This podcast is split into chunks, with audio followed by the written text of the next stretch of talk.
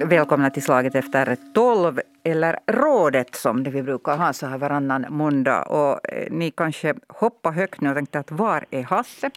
Hasse är sjukledig idag och, och det där jag, Bettina Sågbom, eh, drar det här diskussionen nu istället för honom. Och då säger jag välkommen till eh, de ständiga rådmedlemmarna. Gitta Dahlberg, välkommen. Tack, tack.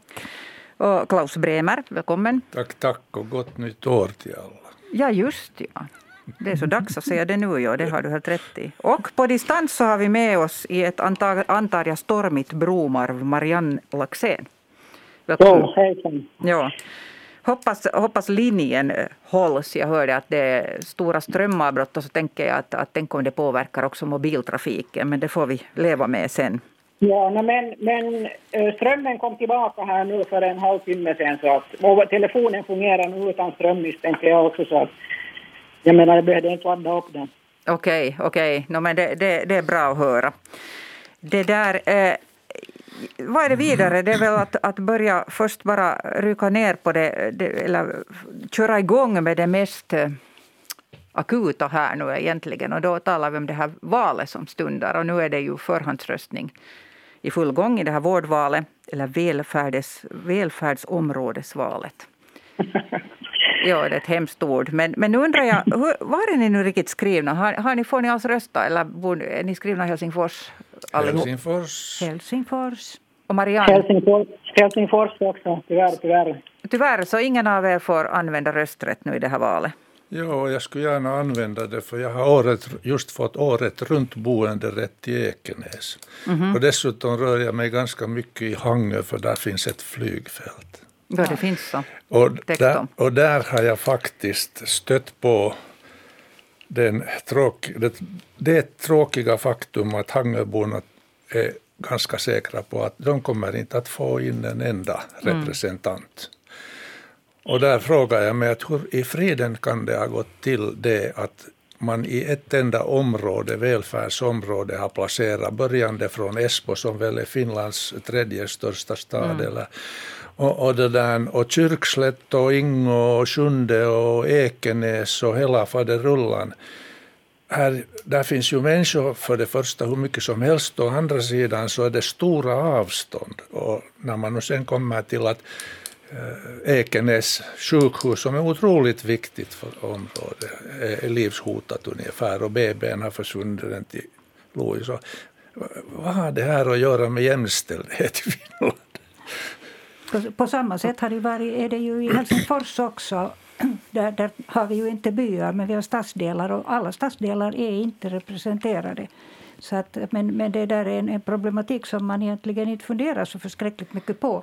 Men, men eh, emellanåt kommer det nog upp och nu har det ju visat sig när de har gått igenom de här val, utgången av valet att, att det, finns, det finns stadsdelar där som, som blir utan. Och, och genom att man vet att, att trots att man försöker få då det här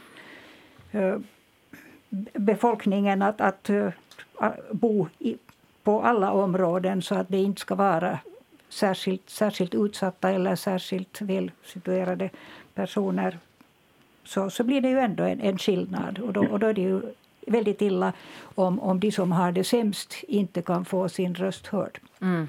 Utan, utan att... får, jag, får jag hoppa in här? Jo, jag, jag tänkte eftersom du är Bromarv så, så kanske du har någon... Mm. Varsågod. Vifta med, det ja. hjälper inte att vifta med händerna för att ni ser inte mig. Jag ska säga två saker till den här diskussionen. Den ena är det att det, det är ju inte skrivet i böckerna att om man nu råkar vara Esbobo så förstår man inte bekymmer för, för Hangöborna eller, eller för Lojoborna eller för Ekenäsborna. Utan det är ju ganska mycket frågan om också partiernas eh, program som vi ska ta och titta på och, och se efter. Det, så att det, här är, det här är den ena, ena delen av, av hela liksom problematiken. Och sen den andra delen är det att, att fast man är Esbobor så behöver man ju inte rösta på en Esbo-kandidat. Man får rösta på en kandidat från, från Raseborg eller från Hangö.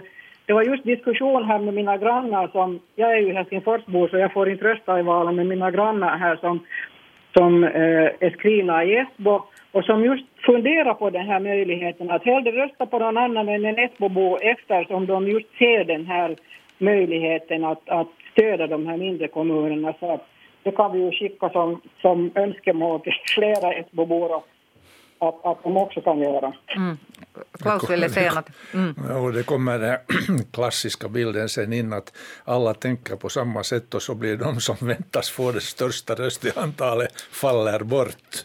Men det vad jag ville säga var att, mm. att det, där, det är ju inte bara frågan om välfärden och, och i, i det där Raseborg så är det mycket tal om också de här transporterna. Men att det har ju också att göra med ambulanser och, och de här Räddningsväsende. räddningsväsende.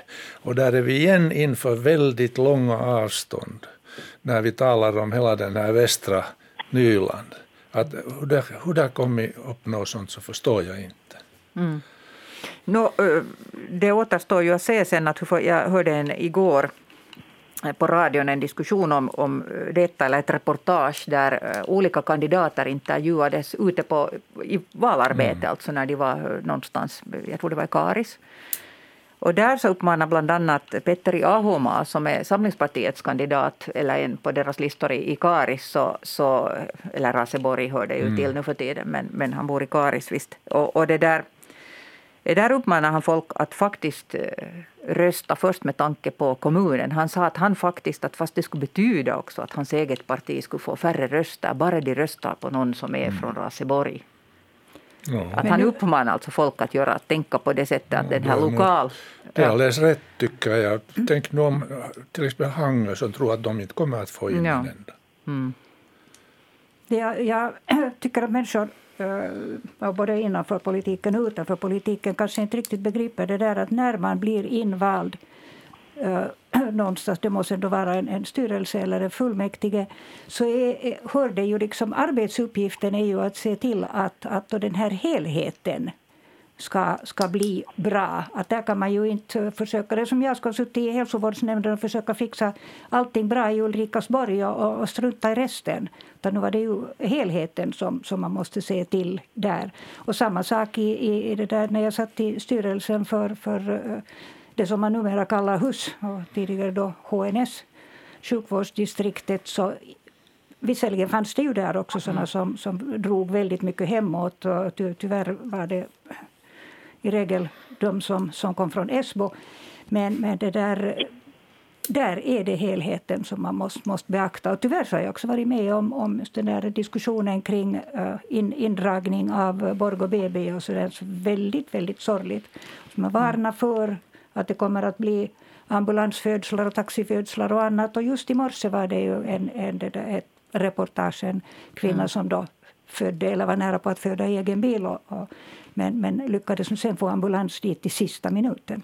Nå, jag har nog nästan också hållit på och fött hemma nästan fast jag bodde på 15 minuters väg till BB. Det går ibland ganska hastigt så att det är inte alltid... Men jag... Ja, varsågod. Ja, jag, jag, bara, jag, jag bara understöder här det som Gitta här sa om, om att mm. eh, att man måste ju se till helheten och jag utgår nog från också att, att de flesta som, som ställer upp i det här valet och som sen möjligen blir invalda, de som blir invalda, så har en förståelse för helheten och därför så tycker jag det är viktigt också att de som som då går och röstar tar och checkar de här partiernas politiska program och ser liksom att vad är det, vad är det partierna då vill lova i de här olika välfärdsområdena. Så att nu har det ju en, nu har det en viss betydelse också den här partiprogrammen och trots att det också har naturligtvis en, en betydelse vilken person som man, som man röstar in. E-, efter alla dina år, Marianne, i politiken så tror du ännu på det där som partierna bygger upp som, som program. När det sen verk, eh, när det blir verklighet. Som eh, sådana här ultraexempel tänker jag nu på Sannfinländarna som spelar med bensinpriser som inte har någonting att göra men att nog går hem hos väldigt många tror jag. Går det hem? Jag, jag tror, jag är illa rädd för, på, på landsorten det betyder, jag, jag förstår inte hur Centern någonsin har kunnat gå med på det för att man klarar sig inte utan bil på landsorten och det är ofta... Nej, men jag, men, jag menar, tror du att det går hem, det att folk är så dumma att de tror att, att det här välfärdsområdeskandidaterna som blir invalda kommer att besluta hurdana bensinpriser? Ja, Churchill sa någon gång i tiden att det behövs bara en fem minuters talk med, med den vanliga väljaren så förstår man varför demokrati aldrig kan lyckas. Nu var det, var det Purra också som uh, försökte försvara det där, det här bensinpolitiken i, i deras program med att, att eh, det gäller naturligtvis ambulansfärder och, och annat sånt men, men det, det, är nog att, att gå över ån efter vatten, det, blir en lång omväg. Mm.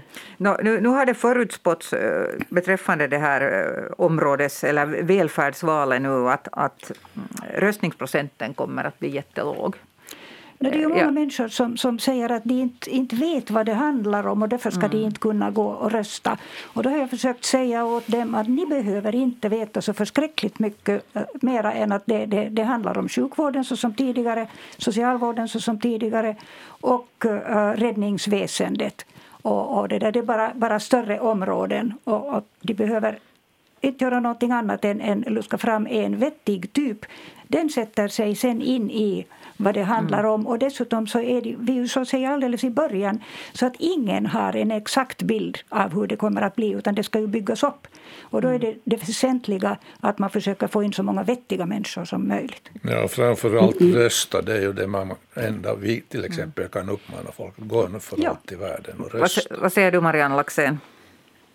No, jag tycker nog att uh, folk på ett sätt har, har ett visst ansvar att ta reda på också och, och jag menar, man behöver ju inte sätta in sig i detaljer, men nu måste man ju veta varför man går och röstar. Och det, jag, jag tycker det verkar lite konstigt om fullvuxna människor säger att de, de vet vad det, vad det gäller, det här, men kanske det beror på att, att vi här nu är speciellt intresserade av politik. Jag vill bara säga att åt Klaus här om de här politiska programmen att, att det, det är liksom fel att säga att människor att, att partierna luras inför val med sina program. Men de, de, de, resultatet av de här mm. valen är ju det att vi för det mesta hamnar och göra kompromisser med andra. Jag menar i kommunstyrelserna och i kommunfullmäktige hamnar man och kompromissar med de andra partierna. I regeringen och i riksdagen hamnar man och kompromissar med de andra partierna. Och det finns inget parti som kan genomföra det som de gärna skulle vilja göra, det vill säga de program som de har presenterat inför publik. Då står vi ju precis där vad jag sa. Vi ville så väl. Mm. Exakt just ja. Men, men nu måste man ju förstå att man, att man har rätt att uh, föreslå för röstarna det som man vill så väl. Det, jag menar, det är ju helt omöjligt att gå in i ett val och inte säga vad man vill. Röstarna har rätt också att utgå ifrån men, att, att det kanske sen heller inte går igenom. Man, man uppfattar i allmänhet, och det, det, pressen gör sig också skyldig till, det, det där att tala om vallöften. Inte handlar det om vallöften, man kan ju inte lova någonting utan, utan det handlar om att berätta vad man själv skulle vilja göra, vad man ämnar jobba för. Men hej, jag, jag, tänkte så att för att vi har andra ämnen här också så vi skulle kunna ja, göra en... Jag vill, jag, vill, ja. jag vill säga en sak för det i alla fall för att jag tycker att när, när någon media här, så eh, uh, Husis hade en jättebra uh, artikel på, i söndagens tidning om jämställdhet och de här kommande valen. Och det var, det var tycker jag, jätteintressant att, att, uh, att ta det liksom ur en, ur en sån här konkret jämställdhetssynpunkt, de här vallöftena eller val, valprogrammen som partierna mm. har kommit fram med. Så att det, en, det, var, en, det var, tycker jag, ett, ett bra initiativ från, från tidningens sida att presentera liksom vissa delar av de här valprogrammen och då, nu hade de då koncentrerat sig på jämställdhet. Mm. Och det tycker jag är viktigt att ta fram därför att uh, det är ju ingen, det finns ju egentligen någon media i Finland som är intresserade av jämställdhetsfrågor utom Husis. Jaha. Då, nu är det väl så då eftersom Marianne Laxén säger det, men det där, det där, vi, vi, vi, det där, eh, jag tänkte att vi skulle ta en sån här liten tippningslek här nu, nämligen ni sammanträder nästa gång om två veckor. Ja. Då har valet hållits och rösterna är räknade och alltihop. Och, och, eh, jag skulle vilja att ni tippar röstningsdeltagande procenten. Klaus Bremer, vad skulle du dra till med? Ska vi se vem som kommer närmast? 47 procent. Okej. Okay. Gitta jag skulle Daber. också säga någonting på 40. Jag hade tänkt säga 45 så jag säger väl 45 då. Okej, okay, och Marianne Laxén. Vänta nu, man skriver Klaus sa 47 procent, mm. Gitta säger 45 procent och, och Marianne Laxén? Jag säger 52. 52 procent. Jag skulle vilja vara med och tippa för jag, jag, jag skulle gå mycket lägre än det. Jag tror inte att vi kommer till 40 procent. Men det... Du kan ha nog rätt. Nog man måste ju försöka mm. vara optimist och tala för måste det här. Gå och rösta, gå och rösta, gå och rösta.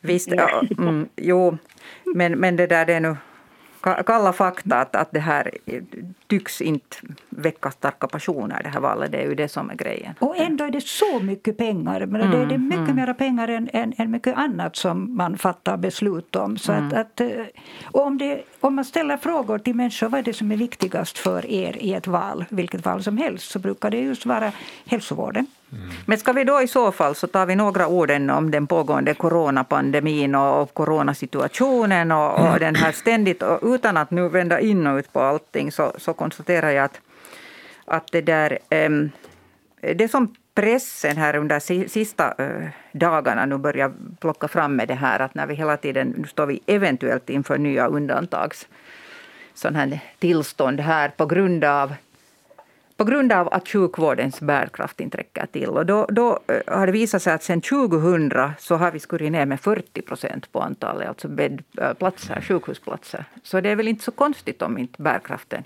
räcker till. Och det där, jag, jag har faktiskt blivit uppläxad av några läkare nu helt från varandra skilda läkare som sagt att nu måste ni journalister börja skriva om det här istället. Det är det här som är problemet. Och vi har ett välfärds, välfärdsval nu på kommande det här skulle ju vara en fråga som man borde Jo, det, det, mm. det är en fråga, en fråga som har varit på, på tapeten i väldigt, väldigt långa tider, det, mm. som, som inte är ny. Och det är ju den här nedskärningen av, av eh, de psykiatriska vårdplatserna. Men, men det har inte varit tidigare liksom så, så sexigt att, att prata om det. det men du liksom handlar det inte bara om psykiatri utan alla? Men jag, jag tar det som mm. ett exempel. Mm. Att det är ingalunda liksom någonting nytt. Och, och sen är, är, det ju det att de här kostnaderna, när det tvingas hela tiden att man, man det där ska skära ner i vården så, så eh, då, från kommunernas sida, om vi nu tar specialsjukvården till exempel, för det, det är ju nu där som man, man mycket ligger i, i, i, i några bäddar.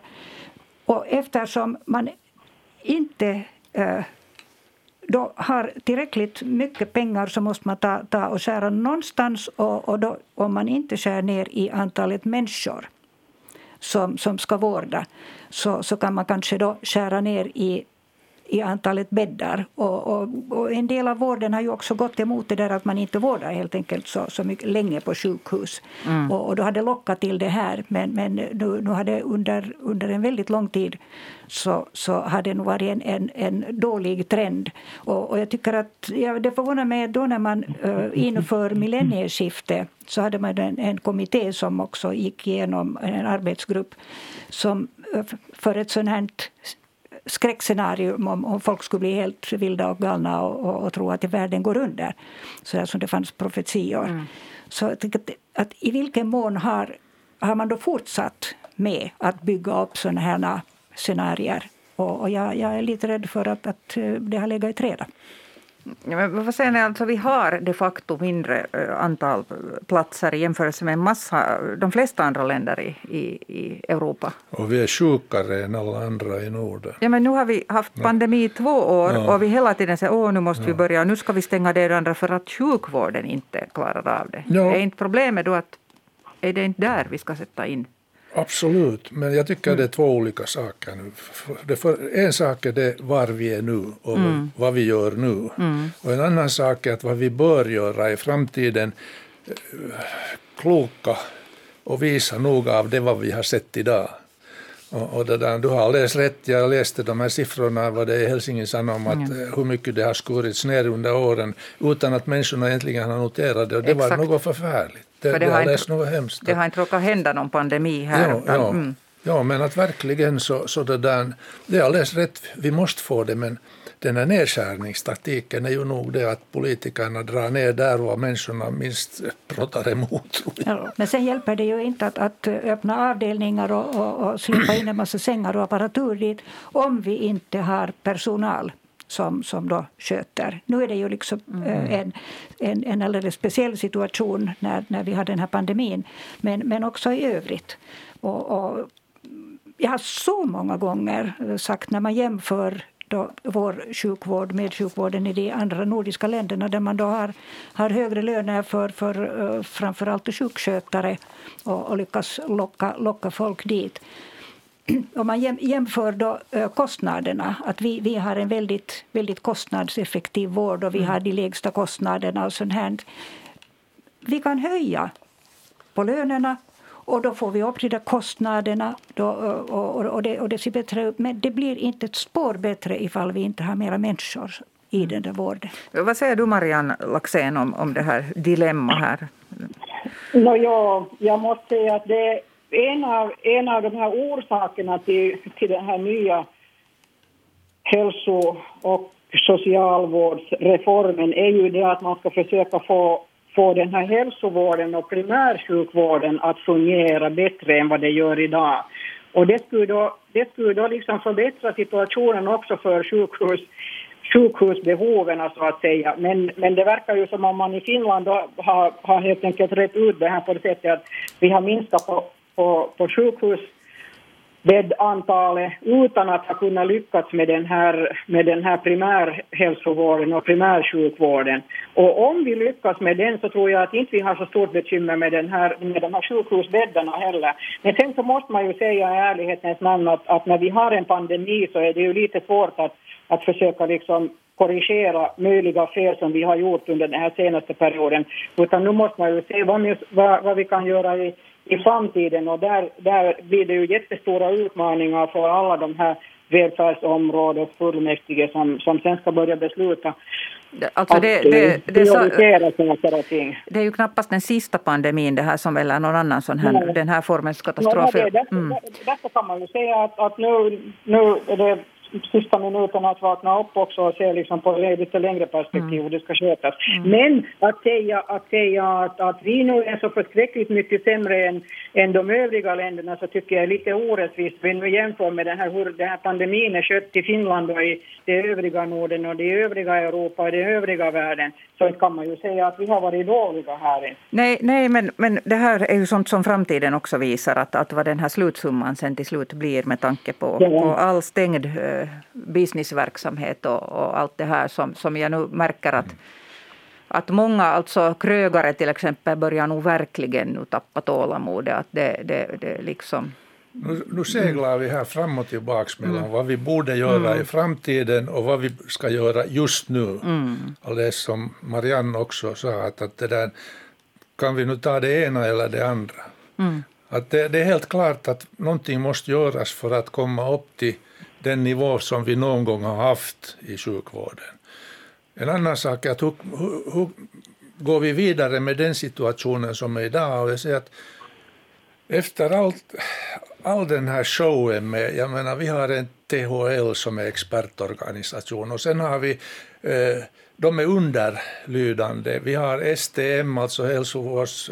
Sociala hälsovårdsministeriet. Ja, mm. som, som, som det där är fullt av politiker. Med, och, eh, där är en Kiuru som är stark och där är en Varhila som pratar gärna. Och, och det, där, det, det blandas in politik och ännu mera nu när det blir valtider. Så det är ju en det, det, är en verklig rodigogga hela det där. Sen har vi AVI, alltså region, regionförvaltningsverket, AVI, som ger sina egna, mm. eh, egna där, eh, översättningar till alla de här. och har, kommunerna ännu. Som, och kommunerna. Ja. Jag menar, här har vi simhallar och gym stängda, eh, påstår någon är det STM och THL och samtidigt är de i eh, norra Österbotten och egentliga Finland är de öppna alla, mm. allesammans. Och det här var i tiden när det var som allra hårdast så hade vi simhallen väl i Vasa och Jakobstad öppen hela tiden och här var det ju helt stängt. Att det, det, det här är ju helt eh, vansinnigt råddigt det här. Här finns för många som säger någonting och här måste jag säga att det är nog regeringen som borde slå handen i bordet och säga att vi tar över nu. Vi, vi, det, Regeringen är, har varit också oenig. En annan sak som jag vill säga ja. att man ska inte titta för länge på det här att, att är det här kan det anses som en vanlig influensa. Jag tycker vi är ganska nära det och man, borde, man ska inte överdriva här, där heller med behov av sjukplatser och annat. Och jag tycker man kan se nu den flesta har tre vaccinationer, tre vaccineringar och det där. Jag skulle börja kalla det redan att vi är, vi är på tröskeln till alldeles vanlig influensa och ju, bättre, ju snabbare vi kommer överens om det desto bättre. Jag tror inte att det hjälper så mycket om, om vi som sitter här kommer överens om om vi ska kalla det en vanlig influensa eller, eller en ovanlig sådan. Vi talar ju ut till den stora allmänheten att det är vår rekommendation. Som, det är många som andra får, som har rekommenderat. Bygga, bygga hela den här strategin på. Och tyvärr är det här ju en, en sån situation att, att det förändrar sig så där från en månad till en annan. Och först tror vi att, att det går åt, åt ett håll och, och sen går det också åt ett annat håll. Det, kommer, det är fullt av överraskningar vilket gör att man måste fatta nya beslut som, som kanske går helt eh, stick i stäv mot, mot de tidigare besluten. Och det blir väldigt förvirrande för befolkningen. Mm. Ja, jag tänkte gå, gå vidare här, för att här finns så många intressanta ämnen. Jag tänkte att, att när man nu har tre sådana rådsmedlemmar som alla, blir ni ledsna om man kallar det för seniorer? Nej, ja, så tänkte jag att vi skulle prata lite om vapenskrammel.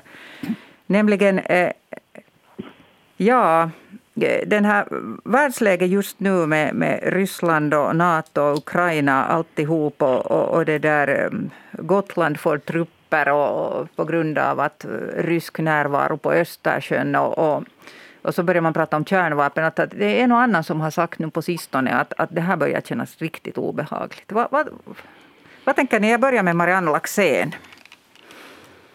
Ja, ja, jag måste nog säga att jag tycker också att det är ganska obehagligt, men, men eh, det är ju inte... Jag menar, det, det, det, det, som, det som är lite krångligt här är ju det att man blandar ihop saker och ting. Och nu, har, nu har Ryssland och Nato, Ryssland och USA och Ryssland och OSSE haft några sorts diskussioner och nu kräver ryssarna att de vill ha skriftliga svar på sina frågor här i en vecka, inom en vecka eller någonting annat jag måste säga att jag har, lite, jag har lite svårt att ställa mig till de här diskussionerna. Och, det som vi har hört av resultat av de diskussioner som har förts så, så det enda som man egentligen kan säga som positivt är det att det är nu bra i alla fall att de har träffats och att de har haft de här diskussionerna. Men sen, sen blir det ju lite, lite på tok nog när, när när, när liksom känslorna far iväg på båda sidorna, både i, i Finland och i andra länder och i, i Sverige. Nu, bland annat, du nämnde det här med, med, med Gotland. Och nu var det ju på det sättet att det var på väg in några eh, fartyg, jag vet inte om det var krigsfartyg eller vad var det för fartyg som ryssarna kom med in i Östersjön. Och sen så, eh, sen så såg Sverige till att de skickade en hel massa soldater till Gotland. Nu läste jag i Dagens Nyheter på morgonen att, att eh, de här ryska fartygen är på väg ut från Östersjön och och får se vad, vad Sverige, gör, Sverige gör efter det här. Men för mig, om jag nu ska säga alldeles kort här ännu, att för mig personligen så är det viktigt att vi i Finland för en allvarlig diskussion om vårt förhållande till Nato.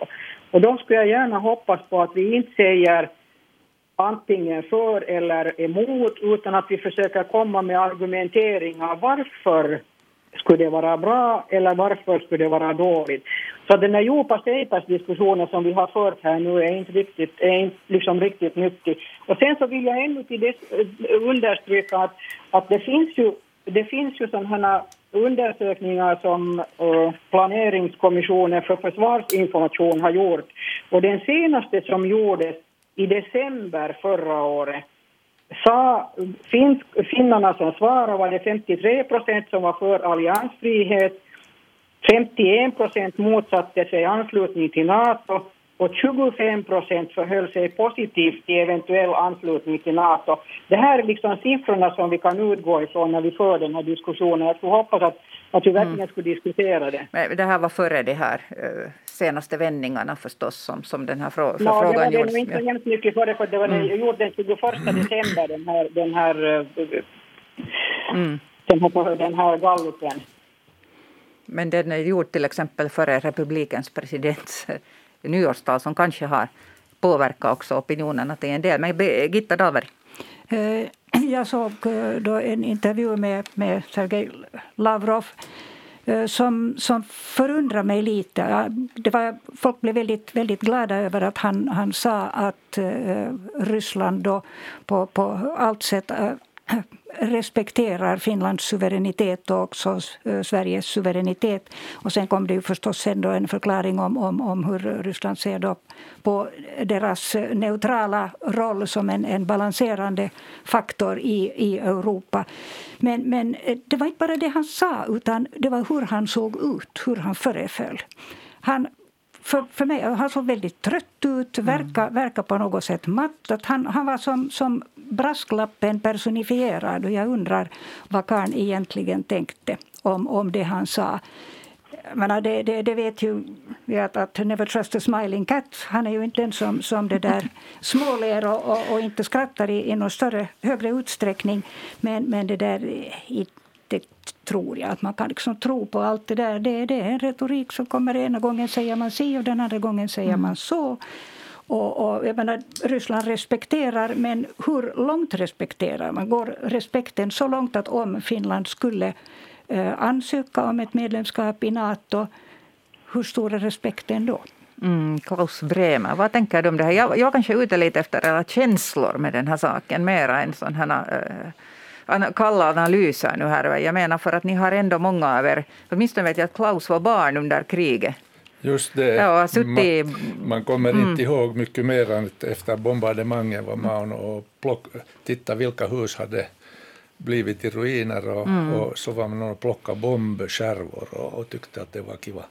Äh, men att det där, för det första, Gitta, det har ju skrivits ganska mycket om att äh, Lavrov har alla anledning att se trött, trött ut. Det har stått ganska många gånger i tidningarna att han inte mera tillhör Putins inre krets. Och det var just det jag menade ja, med brasklappen. Och, och där, mm. där, har också den här vice utrikesministern börjat uttala sig allt oftare. Vilket också tyder på att någonting händer där. Men en annan sak är det att, att det där, eh, han har svårigheter, Putin, med ett land där, där det finns allt mera människor som, som inte riktigt övertygade, och framförallt ungdomen. Och man ska inte tro att USA sitter och, och eh, rullar med tummarna utan nu går där via internet och allt möjligt budskap till den ungdomen som kan använda sånt där. Han har all, all rätt, att, all, eh, all rätt att, att försöka vara den stora hjälten.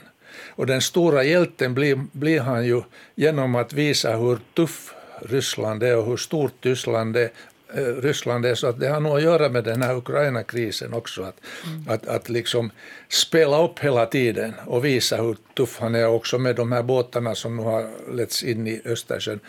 Jag skulle inte vara rädd nu, för han har inte råd. Det jag hoppas på att han vill visa allt mera, för det är ju fruktansvärt dyrt det där med de hundratusen man hit och hundratusen man dit och ja, pansarvagnar och annat. Låt honom köra sig i sank ekonomiskt.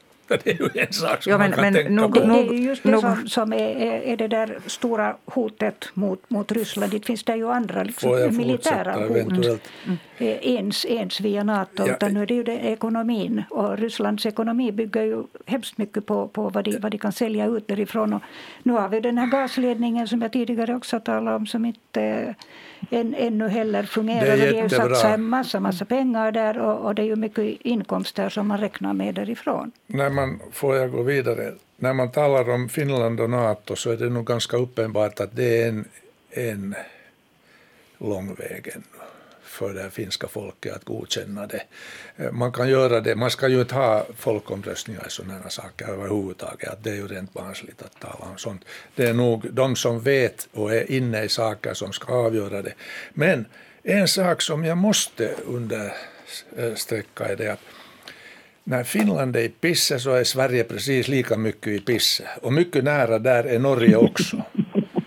Att, att det där, men, men, jo det, det är att, att det där, istället för att vi kan hålla mycket goda relationer till NATO och hålla liksom dörren öppen och allt sånt där, det ena med det femte. Det viktigaste är att vi kör ihop med Sverige och förstärker liksom det här nordiska samarbetet. Man ska dock komma ihåg att jämförelse med Tyskland och Frankrike och Storbritannien så är Norden tillsammans en stormakt, en verklig stormakt.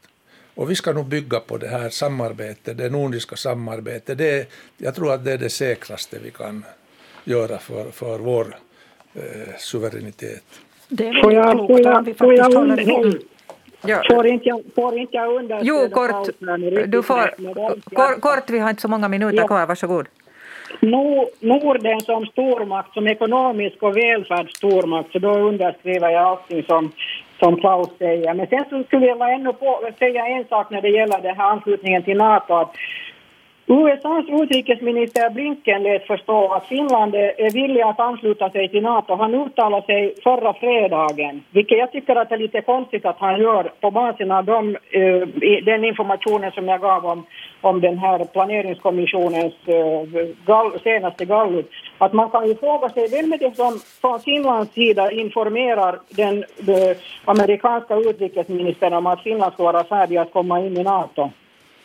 Det irriterar mig otroligt mycket. Du får han ju prata. Säg varm.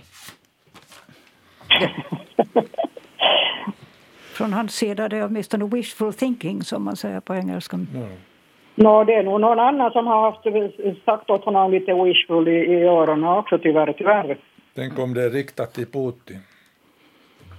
Det, det är inte. Inte, behöver, inte behöver vi ha USA som diskuterar med Putin för Finlands del. Så, så du Marianne Laxén den där intervjun liksom själv eller har du fått den refererad i andra hand? Jag har sett den på Yles, Yles uh, sida, ja. Ja, no, jag, jag, jag, jag såg hela... Indirekt, jo, jag såg indirekt på en fråga, ja. Mm, just det, så jag, jag såg hela den där intervjun och jag tyckte inte att han sa det så där tydligt. Jag tyckte nog att det var mer så där att han menar på att det måste vara möjligt för de här länderna att ansluta sig om de så önskar. Det var mer okay, så han tyckte jag, mm, men det kanske men, tolkning. Men, men mm. andra tolkat det på samma sätt som jag. Ja. Jo, no, det är så här som det är nu för tiden. Vi alla tolkar, vi tolkar. Och så skriver vi på social media och så tolkar vi lite till och så skriker vi alla på varandra. Ja, men mm. det är ganska ja, roligt nog med de sociala medierna på det sättet att man, man kan då åtminstone utbyta tankar med varandra. Om det är kloka tankar eller mindre kloka tankar så det, det får mm. sen vara, vara osagt. Men, men det ger nog någonting, i synnerhet under den här tiden när människor inte kan träffas så mycket så, så fyller det en bra funktion. Visst, visst. Men förstås, man kan också skrämma upp varandra den vägen och mm. det är ju inte så bra. Jag, jag, jag, är lite ovan med att dra det här programmet. Nu kom jag på att, att jag borde säkert ha frågat er vad ni alla har tänkt på under veckan, men tiden tog slut. Vad ska vi göra då? Vi har tänkt på de här sakerna. Ni kan skriva det på social media. vi, kan ta det, vi kan ta det på nytt om två veckor. Om två veckor. Situationen har inte ändrat sig. Då om två veckor, och då ska jag också ge till, till ordinarie programledare vidare era tippningar på, på, på det där valdeltagande. Jag upprepar, här Gitta Dahlberg tippar på 45 procent, Klaus Bremer 47 procent och Marianne Laxén på 52 procent, alltså för det här eh, välfärdsområdesvalets valdeltagande procent. Så att får se vem som kom närmast. Borde ju nästan ha vem, pris. Vad får den som har rätt eller närmast Applåd. Choklad, en chokladkaka. no, okay. Jag ska tala med ordinarie programledare om det. Tack ska ni ha, uh, Gitta Dahlberg, Klaus Bremer och Marianne Laxén för att ni deltog idag igen i rådet. Och, och det där, ett nytt råd om två veckor imorgon. En uh, ett vanligt avsnitt av Slaget efter tolv som jag själv är programledare för. Ha en god fortsättning på dagen.